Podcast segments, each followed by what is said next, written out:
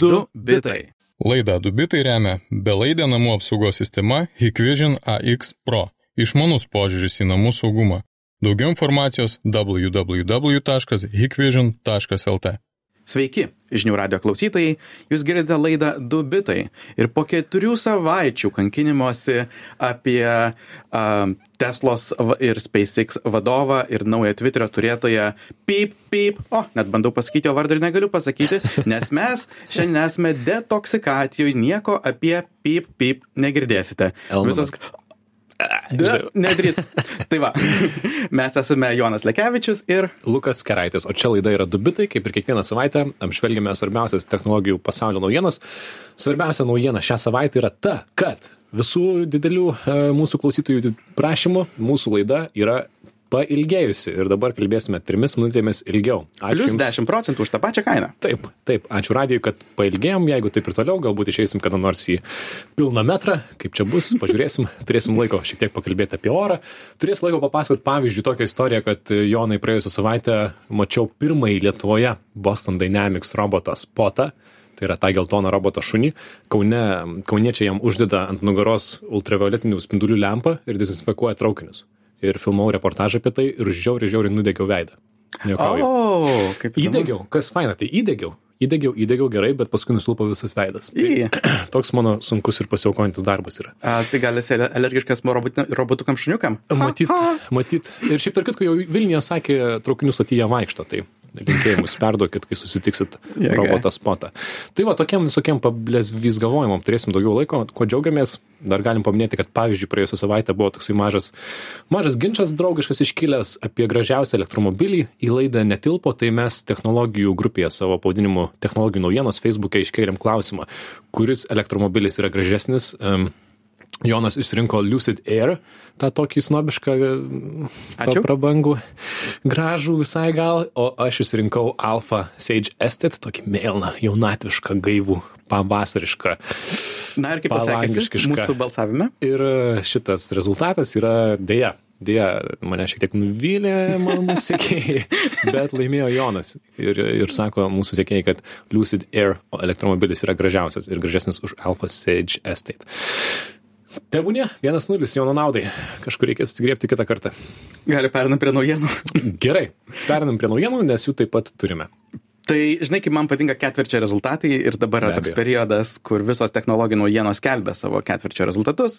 Ir praeitą savaitę Meta, tai yra Facebook'o, Instagram'o, WhatsApp'o kompanija paskelbė savo rezultatus. E, Jose į skaičius tai tikrai neverta gilintis jų reklamos pajamingumus. A, Įdomiausia yra, ką vadovas Markas Zuckerbergas per savo įžangą pristatė, kas yra, taip sakant, jo galvoje, kur jisai mato ateitį ir kur dės pastangas. Jis uh, pastebėjo, jog žymiai daugiau žmonių žiūri trumpus video, tai yra Instagram Reels arba Facebook videos, kurie įdomu, kodėl žiūri. Turbūt todėl, jog kiša į tą srautą kas pusę metro. Kas Uh, pusę metro. Geras šitas. ir tie taip pat pastebėjo, jog, uh, na, ne tai, kad pastebėjo, jas vykdo migravimą iš naujienų srauto, kurį formuotų žmogaus socialinis tinklas, tai jo tokios socialinės jungtis, kas yra jo drauguose, kokius puslapius jis seka, link srauto, kurį formuotų dirbtinis intelektas, stebintis žmogaus elgesį, pagal tai, kuris praleidžia laiko, ką žiūrėdamas. Ir tokiu būdu formuoti srautą net nebūtinai iš tų šaltinių, kuriuos seki, o tiesiog iš visko, kas yra prieinama per Facebook platformą. Ir tai būtų didžiulis pokytis. Um, nes, aišku, meta vis dar mato, jog tas sekamas turinys, socialinės jungtis yra juos uh, diferencijuojančios. Uh, tačiau sako, kad investuoja labai daug į tokį atradimų variklį, jie vadina tą Discovery Engine, kuris rekomenduotų turinį, kuris tau turėtų patikti, net jeigu tu neseki to žmogaus ar, ar, ar kanalo. Ir pasak Zako, Marko Zuckerbergo ateityje žmonės turėtų, uh, norės vis labiau kreiptis, taip sakant, iš tą atradimų variklį, jog jiems rekomenduotų patinkantį turinį, apie kurį net nežino.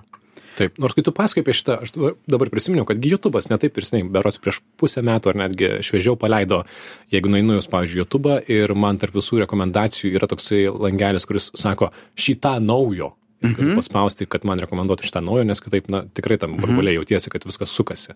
Jo, tiesa, šiaip YouTube'as jau kurį laiką buvo tame rekomendacijų pasaulyje, kur tu gali subscribinti, taip sakant, pre- prenumeruoti tam tikrus kanalus, bet tai yra tokia švelni rekomendacija geriausiu atveju. Um, kodėlgi Markas Zuckerbergas yra taip uh, susidomėjęs šitų algoritminių naujų srautų? Ir akivaizdu, jog jo galvoje skamba tik tai vienas žodis - TikTokas. Tik to. Nes TikTokas yra sparčiausiai augantis socialinis tinklas ir apskritai kažkokia turinio platforma, kuri yra pirmą kartą iš tiesų grasinanti Facebooko metos monopoliui šitoje erdvėje. Ir tai yra visai spūdinga, nes TikTokas jis tam tikrose prasme vėlavo į socialinių tinklų bangą ir todėl jisai negalėjo konkuruoti su ta socialinių jungčių informacija, nes vėlgi niekas nenori registruotis į ketvirtą socialinį tinklą. Todėl TikTokas turėjo tą išspręsti kažkokiu kitu būdu ir jų sprendimas buvo būtent šitas algoritminis e, būdas. Vietoj to, jog bandyti tau surasti visus tavo draugus, tiesiog žiūri video ir pagal tai algoritmas išsiaiškina, kas bus tau įdomiausia. Ir žmonės sako, jog išsiaiškina gerai ir TikTokas tą silpnybę pavertė iš tiesų savo stiprybę. Tai yra, jog tau jau nebėra svarbu, ką tu seki, gali bet kada įsijungti TikToką ir rasti iš viso pasaulio turinį, kuris, na, turėtų, pasak algoritmo, tau patikti. Mhm. Tai ką, daro meta šią akimirką? Koks jų siekis yra su šito pokyčiu? Jau dabar matosi, jog jie vis daugiau tiek Instagramos, tiek Facebook'o sraute įterpinėja turinį iš puslapių žmonių, kurio nesekė ir panašu, jog tai bus tik tai dar didesnė banga, nes vėlgi jie sako, jog tai tą jie mato kaip ateitį.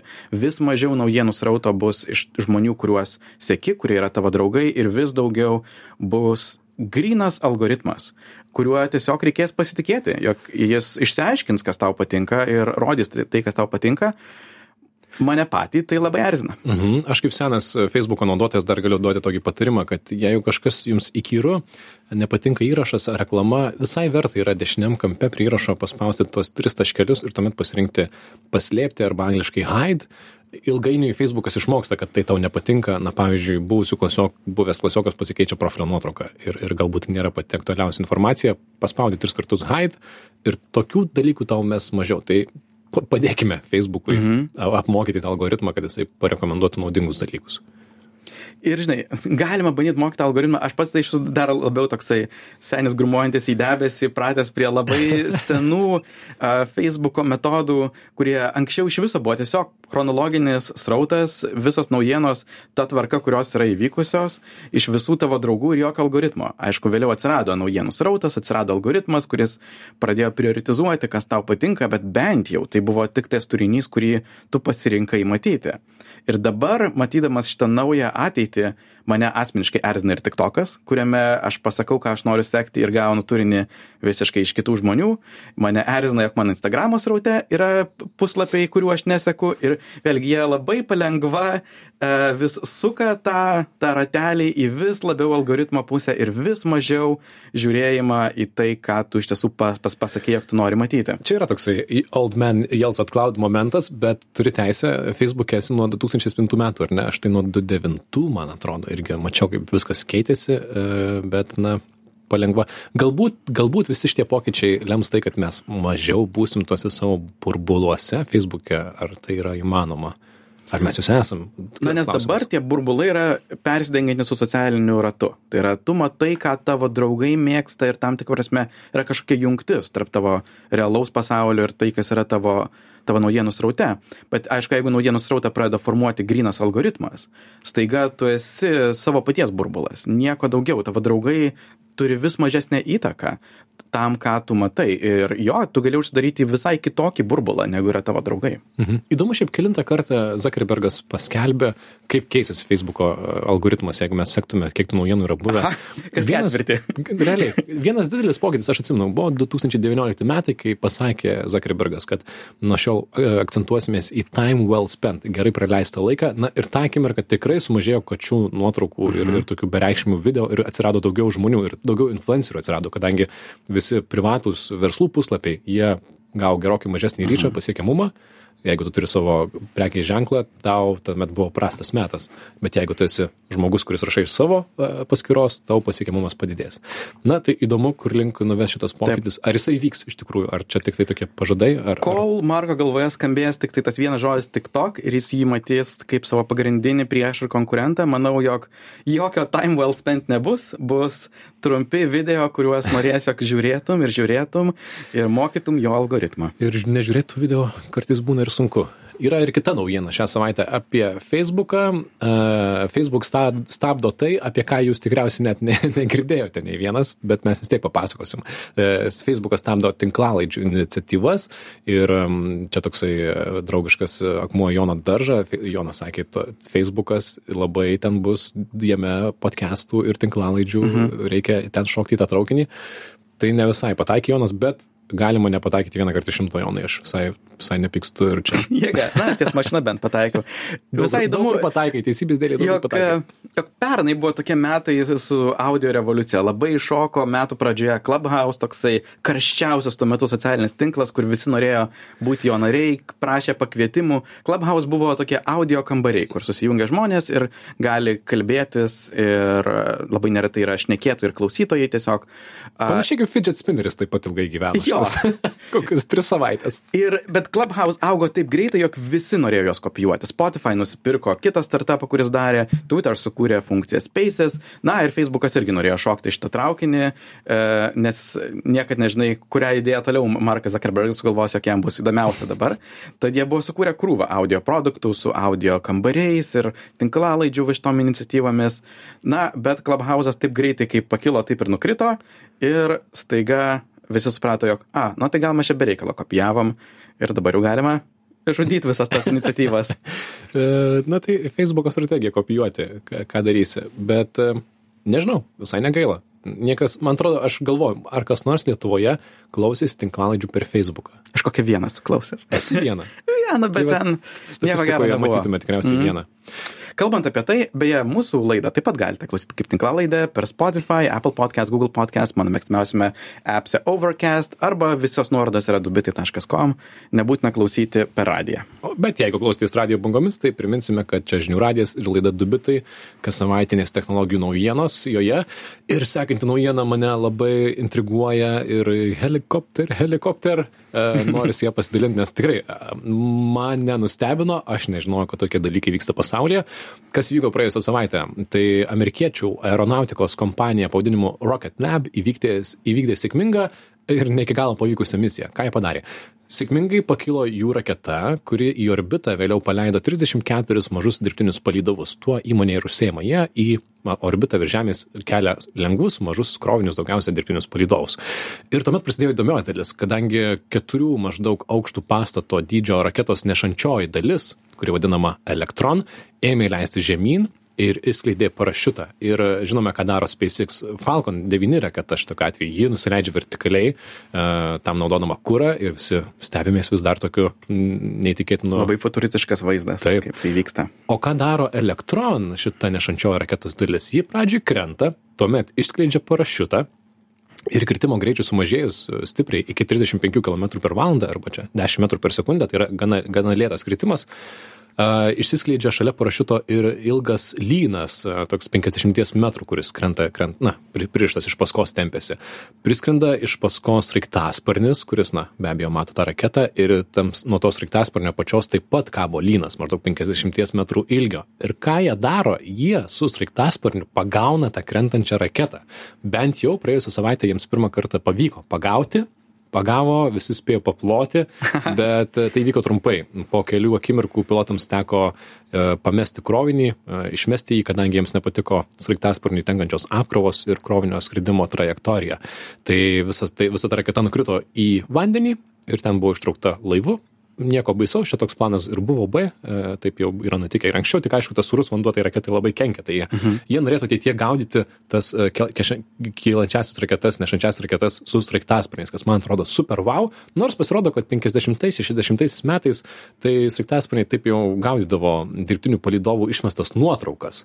A, tai Taip, tiesa, aišku, nuotraukos nėra keturių aukštų dydžio Taip, taip, taip, taip, taip. pastatas, kurio, vėlgi, masė ir greitai sudauginus kažkas ten būna jėga. Tai faktas, jog tas helikopteris turėjo atlaikyti nežmonišką kiekį jėgos. Taip, ir... bet nežinau, kažkieno darbas pasaulyje yra valdyti sraigtasparnį ir su juo gaudyti raketas. Krentančias ir tankas. Aš nuoširdžiai pavydžiu šito darbo. Bet kol kas nepavyko, bet tikėtina, kad jie šitą techniką įvaldys ir tokiu būdu atpigins dar labiau iškelimą į daiktų į orbitą. Super, man labai mhm. patiko. Gaila, kad nenufilmavo penkiom kamerom, ten oh. gražių vaizdų turėtų būti. Mm -hmm. uh, kita naujiena iš kitos temos, mes ir tai galbūt kalbam apie daiktus, įrenginius su Jonu, dažnai praleidžiam, bet Snap, tai yra kompanija, kuri yra po gerai žinomų socialinių tinklų Snapchat, ji paleido tokį daiktą pavadinimu Pixie. Kas yra tas Pixie, Jonai? Tai yra labai mažas e, droniukas iš tiesų. Um, jis uh, sveria gal apie 100 gramų, turi keturi, labai geltonas, e, turi tokius keturis labai nedėlius propeleriukus, mažą kamerytę, labai paprasto valdymo vieną tokį mygtukėlį ir jis yra skirtas na, jog būtų toks turbūt paprasčiausias dronas iš visų. Nustatai, kokio stiliaus video nori, jog jisai nufilmuotų ir jisai net nėra jokio pulto, net negali nieko valdyti, tiesiog paspaudi mygtuką, jis išsiaiškina, kur esi tu, kur nuskristi, ką pafilmuoti ir tuomet gražiai grįžta ant tavo rankos, nusileidžia ir, na ir gali vėl įsidėti kišenę. Um, taip turėtų viskas atrodyti, jeigu viskas būtų idealu ir gražu. Tikrai turėtų tai būti. Na, įsivaizduokite, tas dronas yra delno dydžio, mano delnas gana didelis. Jisai dviejų telefonų dydžio tas dronas sveria super mažai. Aš pats e, turiu tokį panašų droną savo laisvalaikiui, valdomą radio bangomis, su juo paskraidau po kambarį.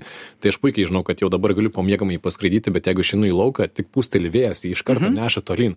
Jo baterija laiko penkias minutes iš esmės to, to, to, to mano, mano drono. Mhm. Ir šio drono, kaip suprantu, irgi tiek pat, ar ne, panašiai? Taip, yra labai įdomu šiaip žiūrėti, ką marketingo puslapiai nerašo. Nes visą laiką sako, o, kaip paprasta naudotis. Na, bet marketingo puslapyje Pixie drono nerasite nieko apie baterijos dydį ar skrydžio laiką. Jie sako, 5-8 skrydžiai bet iš tiesų žmonių kalba tai išsiverčia keturios penkios minutės baterijos laiko. Tai iš tiesų nepalyginsi su tikrais tokiais dronais kur pavyzdžiui DJI Mavic Mini SE kuris yra labai panašios kainos. Jeigu Pixie kainuoja du šimtus penkiasdešim dolerių Mini SE kainuoja tris šimtus bet skirtumai yra didžiuliai. Mini se skrydžio laikas yra trisdešim minučių jis turi du kablelis septynių k tai tik šiek tiek mažesnė negu keturių k kamera turi pultą keturis sensorius iš visokių pusių. Tad iš esmės už penkiasdešim papildomų dolerių gauni tikrą droną o ne na žaislinį skraidantį uodelį. Du šimtai trisdešim dolerių iš tikrųjų daug. Aš pats tą droną kur turiu mažą jisai be kameros bet jis jo kaina gal yra aštuoniolika dolerių. Au taip jo savikaina turėtų būti išvis kokie septyni gal aš nežinau. Tai labai neaišku į ką e, snapchatas ir jo kompanija snap taikosi. Jie vis mhm. leidžia įrenginius gi anksčiau turė matėme visi jų spectacles akinius kurie buvo du tūkstančiai septynioliktais metais paleisti. Tai yra išmanūs akiniai su dviejomis kamerytėmis šonuose. Iš esmės tiesiog sakai akiniams filmuokite ir tau iš karto į snapchatą akį įkeliama video tai mhm. buvo didžiulis nuostolis keturiasdešim milijonų dolerių nuostolis ir ir jų parduota buvo tikrai neva daug bet vis tiek finansiškai neapsimokėjo šiuo metu spectacles turi jau beta versiją kurios dabar jau neskuba leisti galbūt mhm. pasimokė ją testuoja palengva daro bet man nėra aišku ką daro snapchatas leisdamas savo daiktus ir į ką jie taiko jie vadina save kameros kompanija kas yra visai kamerų kompanija kas yra visai įdomu nes na iš esmės visos jų pajamos yra iš socialinio tinklo snapchat bet na taip jie save įvardina. Ir pažiūrėjus į produktus yra labai akivaizdu jog jų fokusas yra itin paprastos naudoti tokios linksmai atrodančios kameros ir visiškai nėra būtinybė aukšta kokybė. Net pažiūrėjus pixi video jos yra labai drebantys gana žemos rezoliucijos įrašai. Tad filosofija yra aiški. Toks paprastumas naudotis kokybės kaina. Bet na rinka rodo jog šita strategija neveikia ir jie vis dar ja eina. Tad arba jie žino kažką ko mes nežinom arba jie tiesiog toliau degins pinigus e, arba jų produktus kuria ir patvirtina praktikantai kas yra mano spėjimas okay. gerai gerai e, galbūt čia aš ne, nenoriu labai jau užsivesti bet nežinau po dviejų metų trijų metų bus labai įdomu pamatyti nejaugi snapchat paleis kažką kas suveiks. Mhm. nes jau ketverius penkerius metus jie į balą leidžia savo daug prikepa plasmasės jie brangiai parduoda nusiperka porą influencerių ir ir tiek. Tai belieka palinkėti sėkmės jiem. Na ir turim paskutinę turbūt naujieną galbūt e, kurią pabandysime talpinti prieš keletą laidų, 13 laidoje, kurią galite rasti dubitė.com pasvaras brūkšnys 13, minėjome, jog Apple planuoja paleisti savo pasitaisyk pats programą, vadinasi Self-Service Repair. Ir to mintis, vėlgi tai yra susijusi su tokia iniciatyva teisė taisyti savo prietaisus, jog galėtum uh, jei kažkas sugenda, nebūtinai nešti kažkokią autorizuotą servisą ir mokėti labai daug pinigų, bet nusipirkti oficialiai, legaliai tikras, autentiškas dalis, na ir pasitaisyti pat savo namuose. Tai mes šnekėjome apie tai, kada išėjo naujienos apie tai ir štai praeitą savaitę tai išėjo jau kaip tikra programa, kur galima nueiti į puslapį selfservicerepair.com, jeigu esi amerikietis, aišku, ir nusipirkti oficialias Apple e, iPhone dalis ir, net pačių Apple naudojamus įrankius kol kas tiktai pačių naujausių iphone modelių bet vėlgi apple žada jog a kai išeis nauji modeliai jie bus pridedami ir tokiu būdu eigoje galiausiai bus galima taisyti ir senesnius modelius keletas įdomių linksmų faktų apie Aš šitą lauk, aš jau laukiau to bet, bet momento laukiu. A, tai dar prieš bet momento į- įdomiais faktais pasidalinsiu. Jie kartu išleido tai taisymo instrukcijas, tokius oficialius jų dokumentus. Um, linksmiausia dalis yra apie ličio baterijų taisymą, nes ličio baterijos de, jų neužgesinti su vandeniu. Tai sako, na, jei nori pasikeisti savo bateriją, tai pirmiausia prisipilk kibirą smėlio. Ir tuomet, e, jeigu nutinka deganti baterija, kurios jie nevadina degančia baterija, tai vadina baterijos terminių įvykių. Tai jeigu nutinka Žinai, tas... aš jau, aš savaitgalį, jeigu išeisiu alaus, tai irgi pavadinsiu ne, ne išėjimu į barą, o alkoholio naikinimo operaciją specialiają. Visi čia tai žodžiais gud- gudrus. Labai gudrus. Uh, tai va, reikia, reikia turėti uh, kibirėlį smėlio. Ir uh, kas visai įdomu, galima nusipirkti, kaip minėjau, tuos tikrai oficialius Apple įrankius, pavyzdžiui, specialų ekrano kaitintuvą paminkštinti klyjus, kuriais yra suklyjuota už 350 Amerikos dolerių. Tad uh, visai įdomi programa. Bet Skamba viskas gerai, kol nepasižiūri kainas. Oficialiai Apple parduotuvėje, pa, jog darbuotojas tau pakeistų e, ekraną, kainuoja 280 dolerių. Jeigu nori taisytis pats, visas dalių rinkinys yra 270. Sutaupai ištisus 10 dolerių.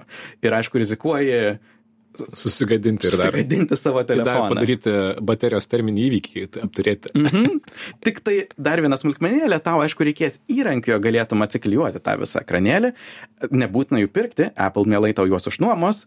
Išnuomos dvi sumoje 40 kg sveriančias dėžes pilnas įrankių už 50 dolerių savaitį. Žodžiu, sumoje pats taisydamas savo ekranėlį esi 40 dolerių minuse. Vietoj to tiesiog duoti Apple. Tad natūraliai kyla klausimas, kodėl? Nes tai atrodo akivaizdžiai nelogiška. Vienintelis sumastymas, kurį aš turiu, yra, jog jie tiesiog nori užsidėti pliusiuką, jog štai mes esame teisėje taisytis. Gal jie nori mus pajuokinti tiesiog, kad turėtume gerą, gerą laiką, bet um, pirmiausia, tai šiaip netikėta, ar ne? Visgi jau rudenį buvo, kad Apple žengė šitą žingsnį ir tiek laiko buvo kalbėta apie tai ir tikrai pasaulyje yra, ypatingai Junktinėse valstijose, tas self-repair tai yra visas judėjimas, tai yra iniciatyva, tai yra filosofija, kad mes patys turim gebėti taisyti savo įrenginius. Yra labai teisinga filosofija, Taip, be nes vėlgi pataisomi prietaisai jie gyvuos ilgiau. Labai daug ką išmetam tiesiog todėl, jog pasensta baterija ir vėlgi, jeigu tai yra paprasčiau pakeičiama arba vėlgi dušta ekranėlės, tai pasitaisai už žymiai mažesnę kainą negu naujas telefonas ir gyveni toliau savo ramiai du metus. Mhm. Aš galvoju, gal, gal čia yra kažkas, ko mes nežinom, gal jie įsivaizduoja, kad visgi šią paslaugą pirks telefonų taisytojai, tokie pusiau hobistai, aš nežinau, kažkas atrodo, kažkas ne- nesusieina.